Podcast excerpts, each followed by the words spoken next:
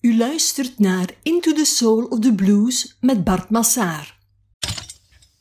I'll be so glad when, Oh, well. the sun goes down. When the sun go down. I'll be so glad when Oh, well. the sun go down. When the sun go down. I ain't all that sleepy, but Uh-huh. I wanna lie down. But I wanna lie down. I ain't all that sleepy, but. I wanna lie down. Dag beste luisteraar. In de vorige aflevering vertelde ik hoe de Afrikaanse cultuur via de gruwel van de slavernij mee de oceaan overstak om zich te nestelen in de muziek van de Afro-Amerikanen in de nieuwe wereld. En in deze aflevering luister ik graag met jullie naar de Field Hollers, waarin de heimwee naar het moedercontinent Afrika zo heftig weer klinkt. En we gaan ook kijken hoe de worksongs het ritme van de arbeid op de suiker- en later de katoenplantages bepaalden.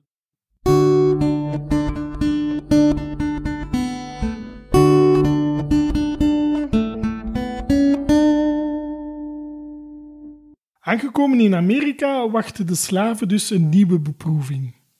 Want na een fysieke keuring volgde de slavenverkoop, waarna de meeste slaven te werk gesteld werden op katoenplantages. Het bezit van slaven werd in de nieuwe wereld al gauw gelegaliseerd. Zo heeft in 1661 de Britse heerschappij op het eiland Barbados de Barbados Slave Code goedgekeurd. Je moet weten, Barbados was op dat ogenblik een hotspot in de lucratieve suikerindustrie en een van de rijkste plekken in de nieuwe wereld. En om de stijgende productie de baas te kunnen, was er een prangende nood aan goedkope werkkrachten. De Slave kreeg de hypocriete titel An Act for the Better Ordering and Governing of Negroes. En ze werd opgesteld onder het mom de slaven en de slaveneigenaars te beschermen. En inderdaad, de tekst bepaalde dat de bezitter van slaven jaarlijks moest voorzien in kledij voor de slaaf, maar er werden verder in het geheel geen verplichtingen vastgelegd rond huisvesting, rond voeding of rond arbeidsvoorwaarden. Meer nog, de code stipuleerde dat de slaveneigenaar het recht had te beschikken over zijn slaven zoals hij dat zelf voorzag, en ze liet hem toe om slaven te mishandelen en zelfs levend te verbranden zonder juridische gevolgen. Een slaaf was slaaf voor het leven en ook afstammelingen van slaven werden automatisch slaaf. Slaven waren dan ook van groot economisch belang voor de blanken. Er stonden zware straffen op weglopen en elke slaveneigenaar was verplicht de vertrekken van zijn slaven op regelmatige basis te doorzoeken op zoek naar ontvluchte slaven. Slaven mochten uitsluitend geweld gebruiken om loyaal hun meester te beschermen, maar werd een zwarte door een blanke gedood, dan moest de dader enkel een financiële boete betalen aan de eigenaar van de slaaf. Natuurlijk, in de code werd de term negro gelijkgesteld aan het begrip slaaf, terwijl er expliciete uitzonderingen gemaakt werden voor de blanke, vaak Ierse landarbeiders die wel over hun vrijheid mochten beschikken. Dus net door een onderscheid te maken in huidskleur werd het veel gemakkelijker om de zwarte te ontmenselijken. Zo was de Barbados Slave Code de legalisering en institutionalisering van een wantoestand die eigenlijk al jaren in de praktijk werd uitgevoerd. En de Slave Code vormde nadien ook de basis van andere wetteksten in de Britse kolonies. Nu moet je weten dat in de 17e eeuw de Britse koloniën zich op heel korte tijd hervormden van een maatschappij met slaven naar een slavenmaatschappij. En dat verschil is ontzettend groot. Een maatschappij met slaven had altijd bestaan vanuit de oudheid, uiteraard absoluut niet goed te keuren. Men neemt mensen gevangen, men uh, ontrukt hun aan hun eigen leven en zet hen aan het werk. Maar in een maatschappij met slaven werden de slaven nog relatief redelijk behandeld. In een slavenmaatschappij draaide de economie volledig op het werk van de gevangen Afrikanen en hadden ze geen enkel recht in hun bestaan. Zo hadden de Afrikanen, gedwongen tot de slavernij, aan het begin van de 17e eeuw soms nog iets meer rechten dan wat later het geval zou zijn. Op dat ogenblik werkten blank en zwart nog samen. Heel vaak waren er ook uh, Ierse landarbeiders uh, die zich in dienst stelden van een meester.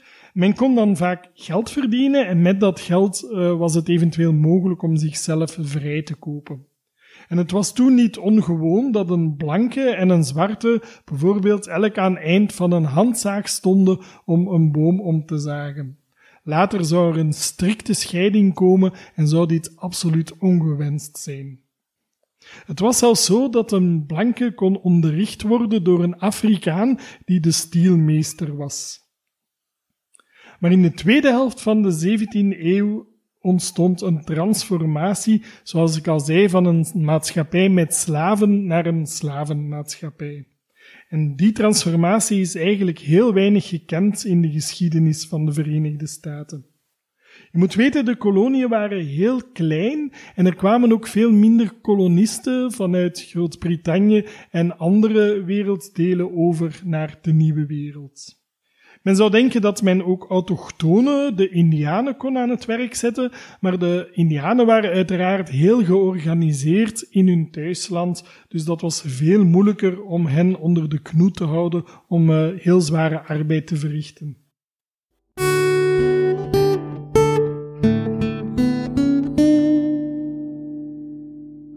In 1760 rebelleerden de Amerikaanse kolonisten tegen het Britse Rijk. De kolonisten oordeelden immers dat ze, ondanks de hoge taxen, een onevenredige vertegenwoordiging kregen toegewezen in het Britse parlement. En uit ongenoegen organiseerden de rebellen een boycott tegen de Britse import van thee uit China. En bij deze actie werden in Boston drie Britse schepen geënterd door de kolonisten, die zich bovendien vermomd hadden als Indianen. De hele lading van het schip werd in het water gegooid, een actie die later als de Boston Tea Party zou gekenmerkt zijn, een belangrijke stap in de aanzet naar de Amerikaanse revolutie. Het is trouwens aan deze gebeurtenis dat de American Tea Party haar naam heeft ontleend. In de verdere strijd werd George Washington verkozen tot opperbevelhebber van de Amerikaanse strijdkrachten. En met behulp van de Fransen werd op 4 juli 1776 het Britse leger verslagen en verklaarden de dertien koloniën zich onafhankelijk van het Britse Rijk. Die onafhankelijkheidsverklaring werd opgesteld in een tekst met Thomas Jefferson als belangrijkste auteur en de Declaration of Independence had hoge idealen. Er werd neergeschreven All men are created equal. Een stelling die helaas vrij was voor interpretatie, aangezien nergens gestipuleerd werd wie de politieke macht zou uitoefenen. En in werkelijkheid was de onafhankelijkheidsverklaring vooral een lange tirade tegen de Britse koning. Men beschuldigde de Britse koning van het onderhouden van de slavernij, een passage die later uit het compromis geschrapt werd. En ironisch genoeg trouwens bezat volksheld George Washington, de eerste president van de Verenigde Staten, zelf ook maar liefst 316 slaven. Na de onafhankelijkheid werd het leger ontbonden. Men wou geen politieke inmenging, men wou geen politieke inmenging van het leger. Men wou het risico op een dictatuur inperken. Maar om de veiligheid van de burger te garanderen, werd het recht op wapenbezit opgenomen in de grondwet. Een recht op wapenbezit waar trouwens vandaag nog heel wat problemen in de Verenigde Staten uit voortvloeien. Nu moet je weten, de Afro-Amerikanen die keken naar heel die revolutie en die dachten, tja, de, de Amerikaanse kolonisten die gaan strijden tegen het Britse Rijk om hun vrijheid te garanderen. Ze voelen zich afhankelijk, ze voelen zich slaafs van het Britse Rijk, maar wij Afro-Amerikanen die slaaf zijn van de kolonisten, wij krijgen geen enkele rechten toegekend. Uiteraard zorgden dergelijke revoluties voor heel wat spanningen en het is dan ook niet verwonderlijk dat heel wat slaven tijdens de revolutie, de Amerikaanse revolutie, meevochten aan de zijde van de Britse heerschappij. En naarmate de landeigenaars rijker werden, werden ze ook meer hebzuchtig en behandelden ze hun arbeiders veel slechter. En op een bepaald ogenblik ontstond er protest. De zowel blanke als zwarte landarbeiders protesteerden om hun werkomstandigheden en de plantage-eigenaars kozen meteen voor de divide-and-rule tactiek, waarbij ze meer rechten toekenden aan de blanke arbeiders en de zwarte arbeiders nog meer gingen onderdrukken. En dit is de basis van het racisme waar heel wat Afro-Amerikanen ook vandaag de dag nog mee te kampen hebben. Vanuit het standpunt van de landeigenaars was dit een heel interessante tactiek. Vooraf bestonden er wel verschillende groeperingen, maar mensen hadden zich eerder geordend naar religie. Een ordening naar ras was heel duidelijk en zo kon men een groot onderscheid gaan maken tussen mensen met een donkere huidskleur en mensen met een blanke huidskleur. Er kwam natuurlijk weerstand en om die weerstand de kop in te drukken werden de eerste slave codes of wetteksten opgesteld. Het was ook zo dat de Europeanen steeds, of de blanke arbeiders, steeds de mogelijkheid hadden om een schip te nemen terug naar Europa en daar vrij te zijn. Voor de Afrikaanse arbeiders was die vluchtroute volledig afgesneden. Er was geen weg terug. Nu, ondanks al die pogingen van de blanke overheerser om de Afrikaanse cultuur de kop in te drukken, families en stammen werden immers uit elkaar gehaald, van elkaar gescheiden, muziek en dans werden verboden, en toch bleef de stammentraditie voortleven. En de blanke man was bang van Afrikaanse dans en muziek. Enerzijds leek het een onbekend, beangstigend voodoo-ritueel. Anderzijds was er de vrees dat via de muziek en dans boodschappen konden doorgegeven worden en dat zou uiteraard kunnen leiden tot slavenopstanden. En vooral de djembe-klanken die qua intensiteit en geluid heel ver konden dragen, werden gevreesd als middel om boodschappen over lange afstand over te brengen maar ook het gesproken woord, de traditie van de griots, die de Afrikaanse geschiedenis van generatie tot generatie hadden doorverteld, werd verbannen doordat zwarte kinderen bij hun ouders werden weggehaald. En daarbij was er absoluut geen ruimte voor religie of muziek. De Afrikaanse cultuur werd zoveel mogelijk uitgewist, terwijl men aanvankelijk het christelijk geloof niet wou opdringen om rebellie te voorkomen. Afrikaanse muziek werd beschouwd als pure ketterij.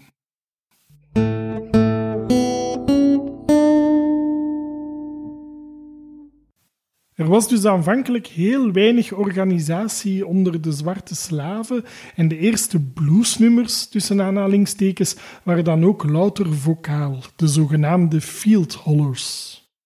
Hey, hey, Bowie, Where's your native home? Way down in the bottom among the cotton cones. Bow weevil here,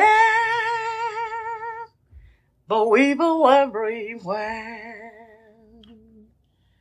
Doggone the boll weevil we sitting on the square. De bolwievel was een kever die zich te goed deed aan de knoppen en de bloemen van de katoenplant. Aan het eind van de 19e eeuw is die kever vanuit Mexico gemigreerd naar de Verenigde Staten, waar hij een grote plaag veroorzaakte die vooral rond de jaren 1920 heel grote schade toebracht in de katoenindustrie. Het is dan ook niet verwonderlijk dat er heel wat bluesliedjes bestaan met de boerwievel als onderwerp. Er waren op de plantages toch wel wat verschillen hoe de slavenmeesters omgingen met hun tot slavernij gedwongen arbeiders. Sommigen straften heel streng, anderen hielden het principe van belonen in stand, waarbij ze hoopten dat als men de arbeiders ging belonen, dat de productiviteit zou groter worden. Zo konden sommige slaven toch wat geld verdienen in de hoop hun vrijheid af te kopen. Maar die mentaliteit veranderde dus door de jaren in de evolutie van een maatschappij met slaven naar een slavenmaatschappij. Aanvankelijk was er ook een staat van oorlog tussen meester en slaven, maar heel laat in de 19e eeuw uh, beschouwde men de slavernij meer als een noodzakelijk kwaad, waarbij men de slaven dan toch weer zo goed mogelijk trachtte te behandelen, omdat men wist dat er aan de slavernij toch ooit een eind zou komen. Desalniettemin, er waren verschillen in status, maar slavernij was een blijvende horror.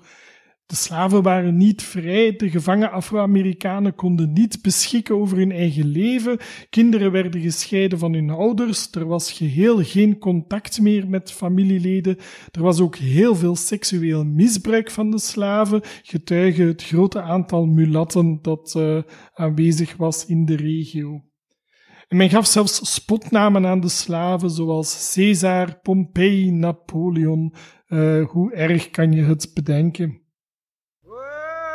Oh, Lord, I woke up this morning, man, I was feeling bad. Whoa, babe, I was feeling bad. Well, I woke up this morning and was feeling bad. Wat een elementaire, maar intens krachtige zin. Een zin die meteen de toon van de bluesmuziek zet. Het superlatieve van deze zin vond ik terug in de titel van een compilatiealbum van Jimi Hendrix dat uitgegeven werd in 1980. De titel luidt I woke up this morning and found myself dead. Door middel van, van dergelijke field hollows konden de landarbeiders met elkaar in contact blijven, ondanks soms relatief grote afstanden waarop ze zich bevonden. Misschien doen die fieldhollers je ook een beetje denken aan de muezzin die in de islam oproept tot het gebed. Wel, dat is uiteraard niet verwonderlijk, want een groot percentage van de Afro-Amerikanen kwam uit Afrikaanse landen met een islamcultuur. Klinkt de fieldholler misschien een beetje te ver van je bed? Wel, luister dan eens naar de intro van I Can't Quit You Baby, een nummer van Led Zeppelin uit hun debuutalbum.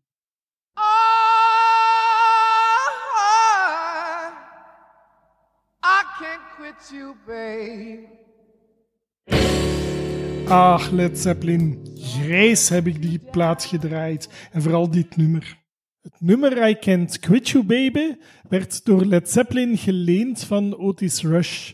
En het werd eigenlijk geschreven door Willie Dixon, de tekstschrijver uit de stal van de gebroeders Chess. Willie Dixon schreef heel wat nummers voor belangrijke namen in de periode waarin de Chicago Blues de toon bepaalde. En ik denk aan, aan namen als Muddy Waters en Howling Wolf. Ik vond de, het eerste album van Led Zeppelin ooit in een platenbak van een jeugdhuis waar ik actief was. Meer nog, ik was uh, actief in twee jeugdhuizen en achteraf moet ik bekennen dat ik in die clubs vooral op zoek ging naar muziek. En in het weekend gingen we uiteraard dansen. En zelf was ik niet zozeer aangetrokken door de elektronische uh, beats die in de dansings te horen was. Toen was dat de periode van de new beat. Ik was wel aangetrokken door het alternatieve circuit. En in Dendermonde kon je vijven in een bunker, een oude bunker. De Zep was de naam van die bunker. En als buur had hij de Honky Tonk Jazz Club. En daar uh, in de Zep hoorde ik voor het eerst ook een nummer, dit nummer, Black Betty, een versie van uh, Ram Jam uit 1977 en de openingstrek op hun uh, debuutalbum. En later ontdekte ik dat ook dit nummer, Black Betty, een worksong was. Betty,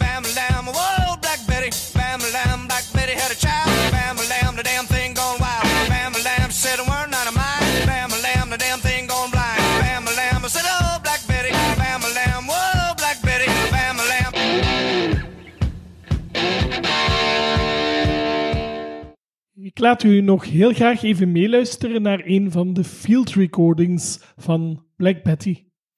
Black Betty, bam, lam. Oh, Black Betty, bam. Black Betty, where'd you come from? Bam. Black Betty, where'd you come from? Well, I come from Corsicana. Well, I'm going to Texarkana. Bamalam. Black Betty, what's your number? Bamalam. Black Betty, what's your number? Bamalam. Seven hundred and fifty. Bamalam. Seven hundred and fifty. Bamalam. Oh Lord, Black En wie de Honky. Tonk eh, Oh, Jazzclub wil bezoeken, die bestaat nog steeds. Eh, al meer dan 50 jaar wordt er eh, heel fijne muziek gepresenteerd. In 1807 kwam er een verbod op de internationale slavenhandel. Daardoor werd slavernij meteen voor de Verenigde Staten een louter nationale aangelegenheid. En de noordelijke industrie draaide op slaven uit het zuiden, dus men liet dan slaven uit het noorden migreren naar de zuidelijke ehm, landbouwgebieden.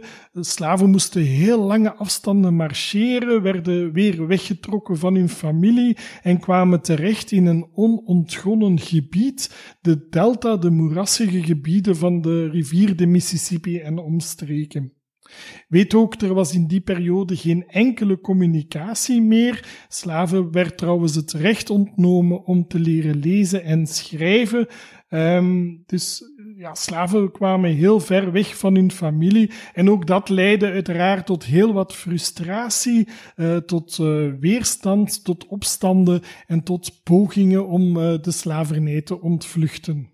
Naast de migratie van Afro-Amerikanen vanuit het noorden naar de zuidelijke landbouwgebieden poogde men ook om zoveel mogelijk nieuwe slaven te kweken, wat een gruwelijk woord. Men eh, beloonde vrouwen die zes gezonde kinderen baarden, werden beloond en kregen voordelen binnen het systeem. De delta was dus onontgonnen, was moeras, bosgebied en voor de zwarte arbeiders was het gruwelijk hard werken. Je mag daar spreken van werkkampen voor slaven. Er waren op dat ogenblik ook veel meer Afro-Amerikanen dan blanken, vaak in een verhouding van drie op één. En ook alle blanken waren vaak nieuwkomers, men kende elkaar niet. Je begrijpt, dit was een kruidvat voor opstanden. Blanke slaveneigenaars waren dus vaak heel bang tot zelfs hysterisch. Men verbeelde zich soms een nakende opstand. Men ging dan slaven folteren om hen uit te horen. Zo werd er wel eens een naam van een blanke slavenmeester doorgegeven die vermeend zou mee in de organisatie zitten van een, eh, van een nieuwe of een, een op til zijnde slavenopstand. De blanken werden verklikt, dat leidde tot lynchpartijen, massahysterie en heel wat gruwelijke verhalen in de regio. Sommigen gingen zelfs zo ver dat ze slaven gingen stelen. Men maakte de Afro-Amerikanen wijs dat ze zouden vrijgelaten worden. Ze werden ontvoerd en opnieuw doorverkocht met een illegale winst. En de slaven kenden hun verkoopswaarde. Ze manipuleerden zelfs hun verkoop om zo in een gebied te raken waar de omstandigheden beter waren of waar ze dichter waren bij hun familie. De hypocrisie ging zelfs zo ver dat men het wegloopgedrag van de Afro-Amerikanen eerder beschouwde als een ziekte waar een behandeling moest tegenover staan. Het zwarte lichaam had volgens de blanke immers begeleiding nodig om op het rechte pad te blijven.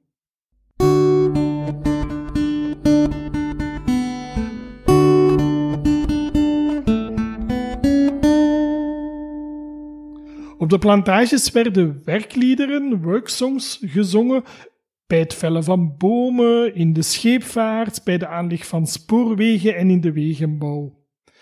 Een voorzanger start een zanglijn en een koor van arbeiders dient hem van antwoord. Deze vraag-antwoordpatronen kennen dus, zoals we al hoorden, hun oorsprong in de Afrikaanse polyritmiek. De lichaamsbewegingen van de arbeid bepaalden het ritme en het tempo van de muziek. De teksten en de melodieën van de worksongs waren doorgaans erg eenvoudig. De tekst verhaalde over het dagelijkse leven, kanaliseerde de woede en de frustraties en bevatte soms een spirituele boodschap of soms zelfs een boodschap die doorgegeven werd en die niet mocht begrepen worden door de aanvoerders van het werk. Worksongs zorgden tijdens het werk voor eenheid en samenhorigheid. Bovendien verzachten ze de zeden en hielpen ze bij het vergeten van de tijd tijdens een lange hete werkdag. De worksongs kunnen trouwens beschouwd worden als subtiele protestsongs. Ze behoren samen met de spirituals tot de oudst gekende vormen van bluesmuziek. En worksongs speelden dus een heel belangrijke rol bij het ontstaan van de blues. Met de machinisatie van de arbeid gingen de worksongs gestaag verloren. De traditie werd later vooral voortgezet door de Afro-Amerikaanse dwangarbeiders op de gevangenisboerderijen of prison farms. De meeste opnames die je hoort van deze worksongs dateren eerder uiteraard uit de jaren 30 en 40 en zijn vaak anoniem ingezongen onder de brandende zon door dwangarbeiders in een staatsgevangenis van het zuiden van de Verenigde Staten. In juni 1901 bezocht Charles Peabody van het Harvard Peabody Museum de staat Mississippi. Peabody legde zich toe op archeologisch onderzoek in de velden nabij, de Stovall Plantation, een katoenplantage waar onder meer Muddy Waters geboren is. Mr. Peabody wou de heuvels onderzoeken waar voorheen de Choctaw-Indianen hadden gewoond. Hij monsterde hiervoor een team van zwarte arbeiders, kocht voorraad en huurde wagens. En onmiddellijk bij zijn vertrek begonnen de zwarte ritmische muziek te brengen. Charles Peabody had de worksongs ontdekt. In deze worksongs werden teksten gezongen uit de Bijbel over de liefde, over de ellende in het leven of over de inhoud van het werk zelf. En vaak kwam als antwoord de tekst My time ain't long of I'm going down the river. Een verwijzing naar het vergankelijke van het harde bestaan en de hoop op een beter leven in het hiernamaals. Zaterdag was traditioneel een halve rustdag. En Peabody beschrijft dat op die dag een voorzanger als hint naar zijn aanvoerder de tekst Mighty Long Half Day Captain zong. En op een andere dag speelde Peabody samen met een blanke collega een spel, Mumbly Pack genoemd, een behendigheidsspel waarbij een zakmes stollend in de aarde wordt gegooid. En plots zong iemand uit de arbeidersgroep I'm so tired, I'm most dead, sitting up here playing Mumbly Pack.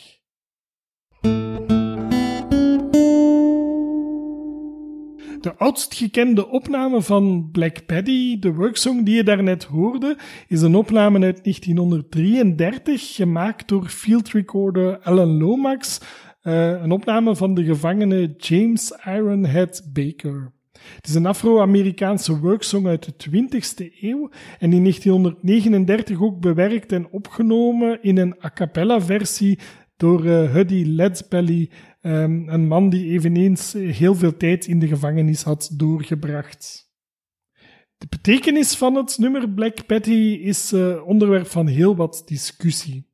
Sommigen beweren dat het afstamt uit de marsmuziek, waarbij Black Betty slaat op een geweerkolf, op een geweerbeter met een zwarte kolf, en de Bam Balam slaat dan op de geweerschoten. Maar in het gevangeniswezen werd de naam Black Betty gegeven aan de Black Maria, de transportwagen voor de gevangenen, als ook aan de zweep waarmee gevangenen gestraft werden. Bam Balam. Alleszins, Ram Jam, toen ze het nummer heruitbrachten, trok uh, misschien onbewust het werktempo flink de hoogte in om er een uh, hardrocknummer van te maken. In 1930 bezocht John Lomax de field recorder samen met zijn zoon Alan Lomax voor het eerst de Central State Farm, een staatsgevangenis van Sugarland. John en Ellen waren op zoek naar de roots van de blues en de staatsgevangenis was een voor de buitenwereld afgesloten gemeenschap waar dwangarbeiders nog steeds hun oude worksongs zongen tijdens het uitvoeren van het werk. John en Ellen Lomax gingen er dan ook vanuit dat deze worksongs uit de gevangenis het minst beïnvloed waren door tijd en omgeving en dus het meest aansloten bij de muziek die de slaven op de katoenplantages zongen in de periode voor de burgeroorlog. John en Ellen Lomax maakten kennis met een 70-jarige gevangene met de naam Clear Rock en hij bracht het nummer Pick a Bale of Cotton. Een song die vermoedelijk al in de periode voor de Amerikaanse burgeroorlog bestond en gebracht werd tijdens de periode van de slavernij, aangezien in de oorspronkelijke versie de aanspreektitel Massa gebruikt werd. Volgens de American Ballads and Folksongs zong men in de oorspronkelijke versie trouwens de woorden That nigger from Shiloh can pick a bale cotton, that nigger from Shiloh can pick a bale day. John en Ellen Lomax schreven in hun boek Negro Folk Songs as Sung by Belly uit 1936 de tekst O Massa told the niggers, of cotton. O Massa told the niggers, of day. Deze oorspronkelijke tekst was uiteraard heel controversieel omwille van de racistische inslag. En later werd de tekst dan gewijzigd naar Jump Down, Spin Around, Bale of Cotton. Pick a bale of cotton. Yeah, well, pick a bale of cotton. That's that's you already. I'm gonna tell you how that goes. You written it down, how to mm-hmm. line up. All right. Mm-hmm. Pick a bale of cotton, all right. There's me and my wife, we'll pick a bale of cotton. If it's all day long, we can pick a bale of cotton. There's me and my wife, we pick a bale of cotton. If it's all day long, we pick a bale of cotton. Oh Lord, pick a bale of cotton. Oh Lord, we pick a bale of cotton. There's me and my wife, we pick a bale of cotton. This is all day long, we pick a bale of cotton. With the sunshine hot, we pick a bale of cotton. That's all day long, we pick a bale of cotton. There's me and my wife, we pick a bale of cotton. You gonna pick my cotton? Pick a bill of cotton. Gonna carry it gin. Pick a bill of cotton. Gonna have it, gin. Pick a bill of cotton. I'm bring it back home. Pick a bill of cotton and spend my money. That's me and my wife. Net als vele andere worksongs wordt Pickabele Cotton trouwens gezongen in een boom, chicka boom, chicka boom, chicka boom ritme. Een ritme dat zich uitstekend leende voor de arbeid. De tekst is trouwens schrommelijk overdreven, een beetje een vorm van satire, want weet je, geen enkele potige arbeider was in staat om op één dag een volledige baal katoen van 225 kilogram te plukken. Rond 1800 werd trouwens de cotton gin in dienst genomen. Cotton gin, cotton engine, een machine die de katoenvezels machinaal van de zaden kon scheiden, waardoor er plots veel meer katoen kon verwerkt worden en daardoor ook meer mankracht nodig was om dat katoen te plukken. De katoenproductie werd plots veel meer winstgevend en er werd eh, katoen geplant in het hele zuiden, niet enkel meer aan de kust. Het aantal plantages kende een enorme toename en er was nood aan meer arbeiders. Men liet dus uh, slaven migreren vanuit het noorden om op die zuidelijke velden te gaan werken. Meer nog, men ging zelfs in Engeland zo ver dat men kinderen van de straat plukte om ze te ontvoeren naar Amerika en daar te werk te zetten. Hiervan is het woord kidnapping afkomstig. Ook Johnny Cash, geboren in 1932 in Kingsland, Arkansas, werkte als kind op de katoenvelden waar hij samen met zijn familie meezong met de worksongs. En heel wat van de latere songs van Johnny Cash, I Walk the Line, The Folsom Prison Blues bijvoorbeeld, zijn geschreven in dat boom chicka boom ritme. Picabelle Cotton werd later gecoverd door Johnny Cash, maar ook door Harry Belafonte, door Lonnie Donegan en zelfs ABBA zong Picabelle of Cotton. Maar het was Led Belly die er de woorden Oh Lordy aan toevoegde. Vermoedelijk heeft ook Led Belly het tempo van Picabelle of Cotton opgedreven tot een veel meer dansbaar nummer, wie weet, misschien had Led Belly op dat ogenblik wel het tempo van de Cotton Gin in gedachten.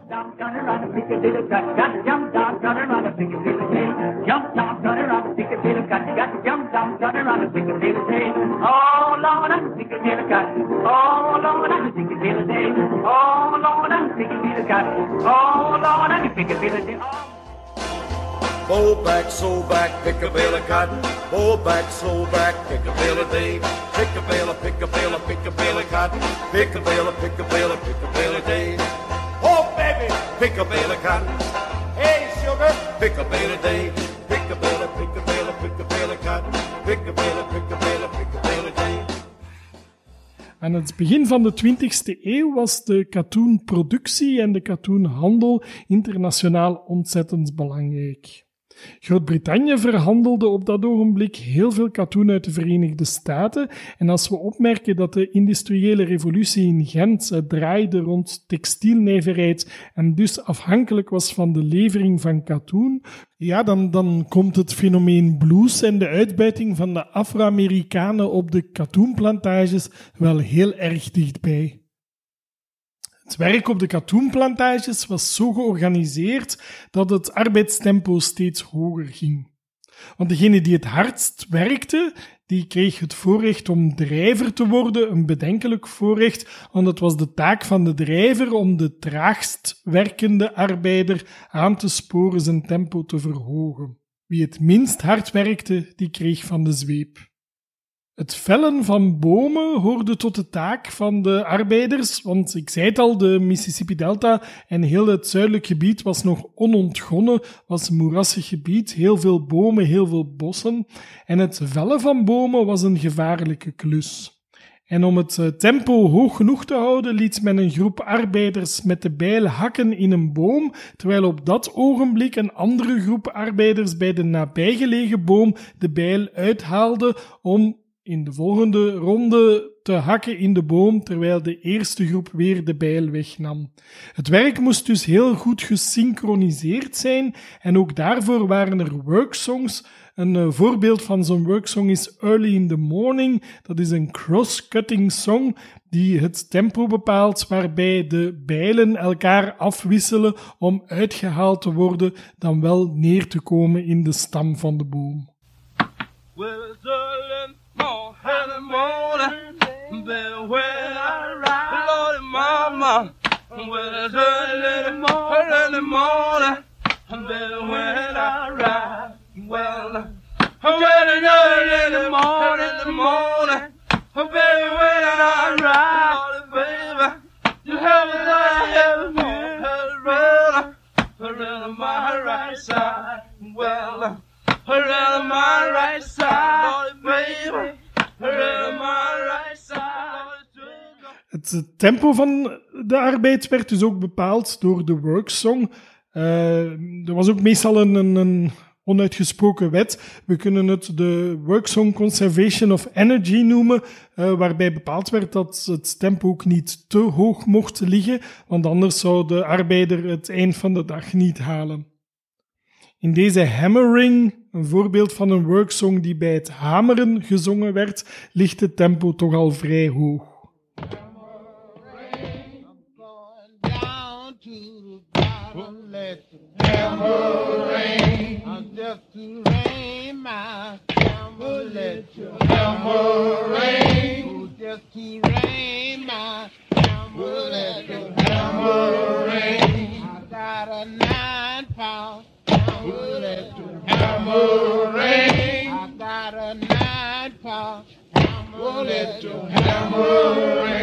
I'm gonna ring Een van de zwaarste klussen was de aanleg en het onderhoud van de spoorwegen, van de treinsporen. Treinsporen werden vastgespijkerd op houten dwarsliggers en die dwarsliggers die rusten op een ondergrond die bestond uit een puin van rotssteen. In de bochten duwden de treinen de sporen door de middelpuntvliedende kracht telkens een beetje naar buiten. En na verloop van, van tijd waren de treinsporen dus niet netjes meer opgelijnd. Om die reden waren er arbeiders in dienst gesteld die de sporen opnieuw moesten oplijnen. En dat gebeurde door, door met hun gewicht uh, tegen een grote ijzeren staaf te leunen, ritmisch, waardoor de staaf de sporen weer op zijn plaats duwde. Ook moesten de ontzettend zware rails die verzakt waren uh, af en toe opgehoffen worden, zodanig dat men nieuw puin, rotsteen onder de sporen kon duwen om ze te stutten. En de rotte dwarsliggers moesten vervangen worden. Dat werk verliep ontzettend langzaam en was heel zwaar en vermoeiend werk. Ander werk bestond ook uit het vastnagelen van de sporen, het verwijderen van onkruid en het lossen en laden van wagens met nieuwe rails. Tijdens deze heel zware fysieke arbeid werd gezongen om het werkritme te behouden, om de duwkrachten te synchroniseren en om het moraal van de arbeiders te versterken. Meestal zong de voorzanger twee zanglijnen, bestaande uit vier maten. De arbeiders klopten dan hun baar tegen de rails tot ze in een gelijk ritme waren en op de derde beat duwde de arbeider synchroon de rail terug op zijn plaats. In de worksong Can't You Line hoor je de h. Dat is het moment waarop de arbeiders duwden om de rails weer uit te lenen. The rabbit, the bear, can't you line him up? Just so how? Can't you line him? Can't you take him up? Can't you line him? Just so how? Lord, the boys can't eat and the boys can't sleep. The boys won't do just to soothe my feet. Can't you line him? Can't you take him up? Can't you line him? Just how? En omwille van de ritmische bewegingen die de arbeiders bij dat werk maakten, werden ze de Gandhi Dancers genoemd. De zangers waren heel bedreven en in staat om zelfs tien uur per dag te improviseren, soms zelfs zonder één enkele zanglijn te herhalen. Het laden en lossen van de rails op de vrachtwagens werd begeleid door tragere ritmes, bij het hameren werd dan weer een sneller tempo gezongen. Niet alleen eh, Afro-Amerikanen werkten als Gandhi-dancer, ook Chinezen, Mexicanen en Indianen, Ieren en Oost-Europeanen werden aan het werk gezet bij het uitlijnen van de sporen. Met de machinisatie van de arbeid gingen de worksongs gestaag verloren.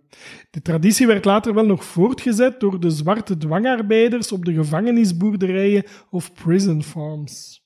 De opnames die je hoorde van worksongs dateren dan ook vaak uit de jaren 30 en 40 ehm, en zijn vaak anoniem ingezongen onder de brandende zon door dwangarbeiders in een staatsgevangenis in het zuiden van de Verenigde Staten. Toen field recorders Ellen en John Lomax in de jaren 40 en 50 hun veldopnames maakten, dan koesterden zij de droom om, om de geluiden van verschillende culturen beschikbaar te stellen voor alle mensen in de wereld. In die periode met de tape recorder was dat uiteraard niet zo evident, maar sinds kort zijn al die veldopnames opgeslagen en digitaal beschikbaar. Wie interesse heeft, kan deze fragmenten beluisteren op de pagina research.culturalequity.org. Je vindt de link ook terug op mijn blogpagina Into the Soul of the Blues.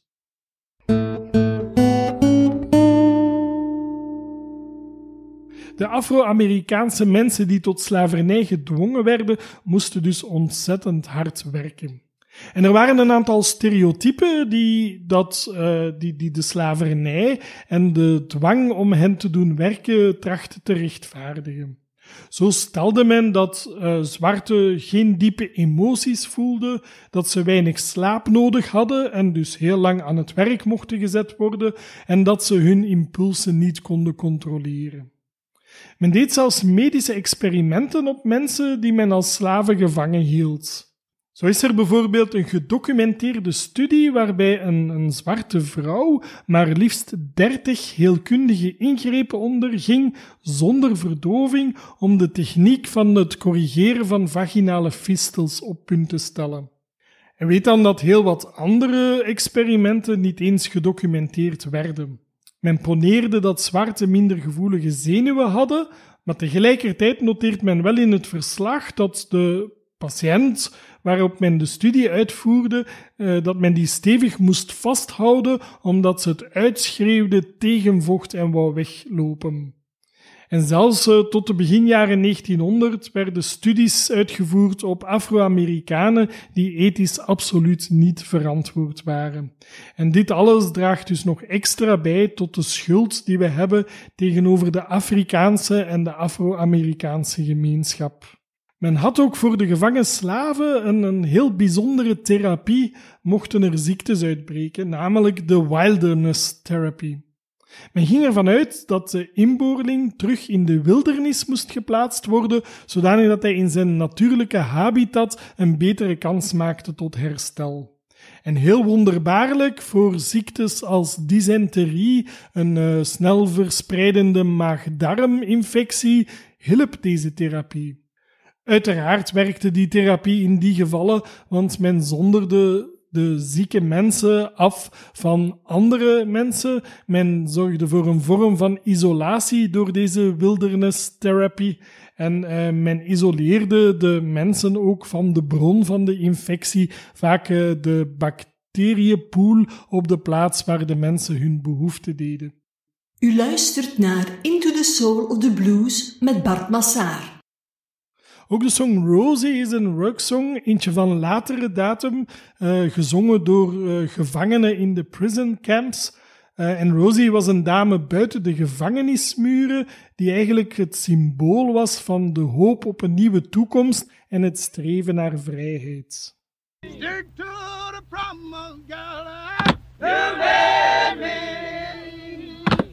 gonna marry till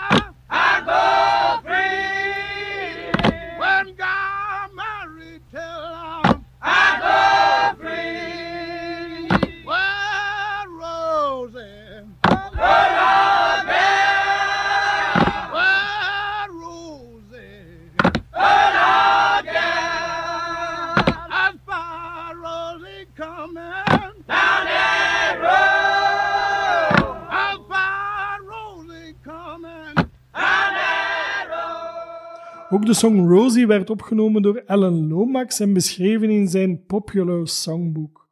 En met plezier eh, verwijs ik nog maar een keer naar Led Zeppelin, want ook Robert Plant zingt op een gegeven ogenblik Oh Rosie, oh girl.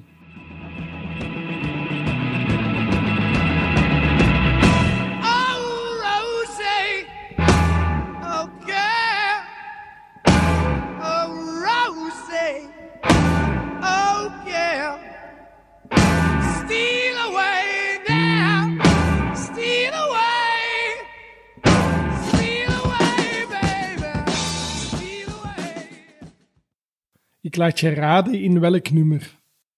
In 1965 zong Nina Simone haar eigen bewerking van de worksong Rosie onder de titel Be My Husband.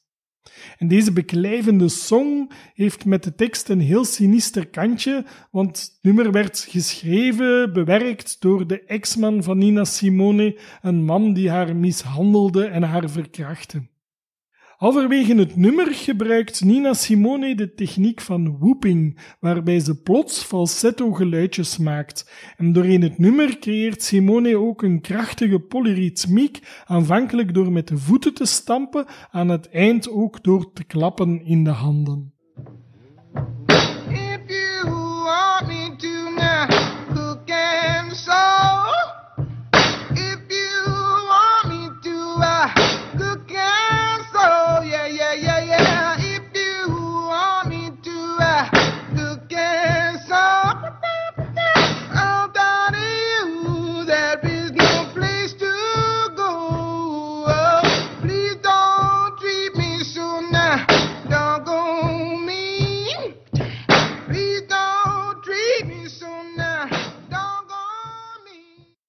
Bij het beluisteren van het album Mississippi All Stars, trouwens een verzameling van bluesartiesten uit de regio Gent, was ik gefascineerd door de diepe, rauwe stem van Vincent Slegers. Met zijn uniek geluid en zijn rammelende slidegitaar leek dit wel een man die net gered was uit de moerassen van de Mississippi-delta. Maar niets is wat het lijkt. Vincent is een jonge man die verblijft hier in Gent aan de oevers van de Schelde en de Leie. En achter dat diepe stemgeluid schuilt een warm charisma. En heel belangrijk, Vincent laat zich leiden door de intense emoties die de bluesmuziek verkondigt. Maar ik laat hem graag zelf aan het woord. Hallo lieve luisteraars, ik ben Vincent Slegers en ik heb het genoegen jullie vandaag een beetje te vertellen over wat bluesmuziek voor mij betekent. Voor mij is blues als het ware een soort ontdekkingsreis, eentje doorheen de tijd en ruimte, maar evengoed een reis doorheen gevoelens. En voor mij heeft deze aangevangen bij het horen van Dark Was the Night, Cold Was the Ground van Blind Willie Johnson. Zijn grommende stem en de ruwe sound van zijn bottleneck waren en blijven nog steeds zo beklijvend, zo aangrijpend. Nog nooit had ik zo'n ruwe emotie gehoord. En dat in een nummer zonder enige tekst. Dit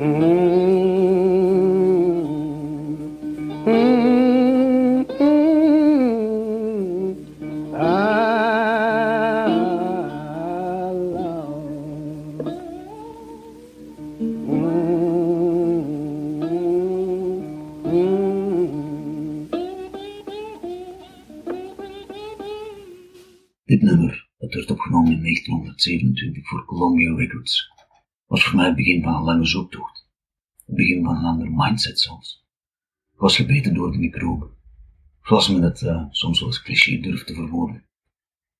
Dit heeft me ook geïnspireerd om uh, gitaar te leren spelen, op gehoor. En heeft een passie me wakker gemaakt die me voordien onbekend was. Wat was de geschiedenis achter deze muziek, die zo universeel en tijdloos lijkt? Wel, datzelfde moeten tien wetenschappers gedacht hebben toen ze de Golden Disk, het daar bewijs van intelligent leven op aarde, compileerden voor de Voyager 13. Een ruimtetuig dat nu reeds zeer buiten ons zonnestelsel doorheen de onheilige leefte zweeft. Dark was the night, cold was the ground, pronkt naast Bach, Beethoven en Mozart en andere geluidsopnames, waaronder traditionele muziek op elk continent. En zelf kan ik me geen beter voorbeeld voorstellen om onze menselijkheid te vatten en weer te geven. Mocht ooit een andere intelligente levensvorm deze plaat ontcijferen, wel, dan denk ik dat zelfs zij dit nummer kunnen begrijpen. Al snel kom ik uit bij opnames van andere artiesten uit hetzelfde jaar, 1927, die al even ongepolijst en ruw waren als Blind Willie Johnsons materiaal. 27 was dan ook een keerpunt in de muziekgeschiedenis. Want het was in dat jaar dat Ralph Peer, in opdracht van de Victor Talking Machine Company, als eerste de Verenigde Staten rondtrok met een mobiele opnamestudio. Nou ja, mobiel tussen haakjes, want het ding woog nog steeds een kleine 200 kilogram. Maar toch. En plots konden artiesten ontdekt en opgenomen worden, die voordien nooit de kans hadden zich naar de grote opnamestudio's in de Amerikaanse grootsteden te begeven. Plots kregen mensen uit arme, rurale maatschappij de kans hun muziek op te zetten en hun gevoelens te delen met enkele duizenden mensen, in plaats van hooguit enkele honderden in de kleine lokale gemeenschap. Prachtig voorbeeld hiervan zijn de zogenaamde Bristol Sessions, waar Peer onder meer de eerste opnames van het nu geloofde Carter Family wist te maken, maar ook vele andere lokale talenten verheerden op plaat, waaronder Ernest Rogers. Het mooie aan al deze vroege opnames is hoe men merkt dat muziek een ware smeltkroes is, en bij blanke muzikanten hoor je de invloed van Afro-Amerikaanse gospel en blueszangers, maar evengoed omgekeerd. Zo is Dark Was the Night, Cold Was the Ground, eigenlijk een instrumentale versie van een oude Schotse hymne. En het zijn deze, anders compleet aan de muziekgeschiedenis voorbijgegaande artiesten, die eigenlijk de ouders zijn van onze moderne muziek. Hun invloed op hun tijdgenoten, maar ook op latere generaties, is voor mij van uh, ontegensprekelijk belang. De gevoelens die zij bijna honderd jaar geleden op plaat verewigd hebben, zijn nu nog altijd actueel. We kunnen die nog altijd begrijpen. We kunnen daar nog altijd iets van leren. En het dat heeft mij blijven inspireren. Namelijk die universele aanspraak die muziek heeft op ons als mens. Hoe dit bepaalde gevoelens zo mooi en zo accuraat weet te vatten en weet weer te geven. Soms zelfs zonder tekst. In alle broosheid en vluchtigheid, maar toch vereeuwigd. Naast het steeds dieper graven in de muziekgeschiedenis, begon ik, ook, begon ik ook steeds meer zelf te spelen en nadien ook optredens te geven. En dat is een enorm bevrijdend gegeven geweest in mijn leven, om te ervaren hoe ik, voor mij althans, gevoelens en gedachten op een relatief eenvoudige manier kon verwerken en een plaats kon geven door ze in nummers te gieten. Ook het onderweg zijn aan zich is een prachtig iets, waar je veel mensen uit verschillende levenslopen leert kennen. Al is het soms maar kortstondig. Sommigen zijn er weer voor het leven, zoals enkele muzikale vriendschappen. Het gekke voor mij is uh, hoe dit allemaal samenhangt. Mijn eerste optreden in het buitenland was in Delmenhorst, Duitsland, waar ik een band leerde kennen uit Düsseldorf. Die hebben me dan op hun beurt uitgenodigd om een voorprogramma te komen spelen in een klein lokaal uh, kunstleven namelijk de WP8, um, waar ik dan een paar maanden later opnieuw uitgenodigd werd om te spelen, voor wat ik dacht dat een solo-optreden zou zijn. Maar toen ik aankwam zag ik echter dat een behaarde en bebaarde Engelse kerel aan het soundchecken was. En blijkbaar was het de eigenaar zijn idee om ons op deze manier aan elkaar uh, te introduceren, omdat hij dacht dat we elkaar muzikaal zouden begrijpen. En gelijk had hij. Want terwijl Tim Holnaus een ganz eigen stijl heeft, herinnerde zijn ruwheid aan en zijn eerlijkheid aan de nummers van Blindfolded Johnson maakt straight to the heart, zoals men zegt. Nu nog steeds is Tim een van mijn beste vrienden en uh, muzikale compagnons, met wie ik samen Europa doorkruist heb. En alsof dat niet genoeg samenhang is, heb ik uh, enkele jaren later op exact dezelfde plek de WP8 mijn uh, partner Lucretia leren kennen, die zelf ook muzikant en schilderkunstenaar is. En onze eerste woorden, die waren over muziek, over uh, traurige zondag, het zogenaamde Hongaarse zelfmoordlied. En dan heb ik verteld over Dark Was the Night, Cold Was the Ground van Blind Willie Johnson. En uh, hoe dat uh, nummer mijn leven beïnvloed heeft. En als ik er nu op terugkijk, heeft dat leven gans eigen loop genomen, wegens dat nummer. Zonder dat ik nooit uh, gitaar gespeeld, had ik nooit die optredens gedaan, had ik ook nooit mijn partner leren kennen. Dus muziek is voor mij uitgegroeid van een passie uh, naar het leven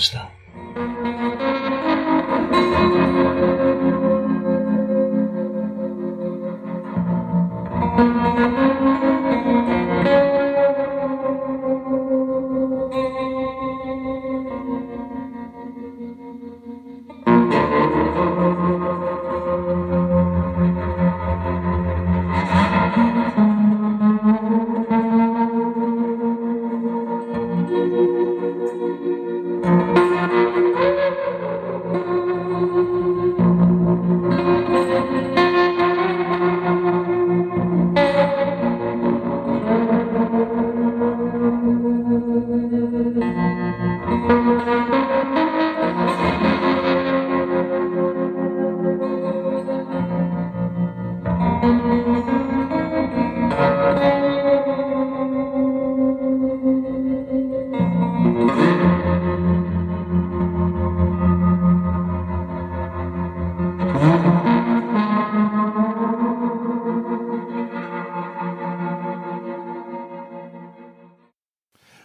krachtige muziekfragment slidegitaar dat u hoorde aan het eind van Vincents getuigenis komt uit zijn nummer Atop the Mountain. Ben je geprikkeld om meer te horen? Check dan zeker www.vincentslegers.be. Zo, deze podcast is ook alweer ten einde. Over enkele weken mag je de volgende aflevering verwachten en daarin vertel ik over de spirituele beleving van de Afro-Amerikanen, de toepassing in de circle dance en we gaan het ook hebben over de duivel in de blues. Dankjewel Vincent Slegers voor je bijdrage recht uit het hart. En u, beste luisteraar, heel erg bedankt om te luisteren en alweer tot de volgende keer. Dit was een aflevering van Into the Soul of the Blues met Bart Massaar. Vond je deze podcast leuk? Heb je suggesties of opmerkingen? Laat dan een gesproken berichtje achter. Ben je nieuwsgierig naar meer? Bezoek dan zeker de website www.souloftheblues.be.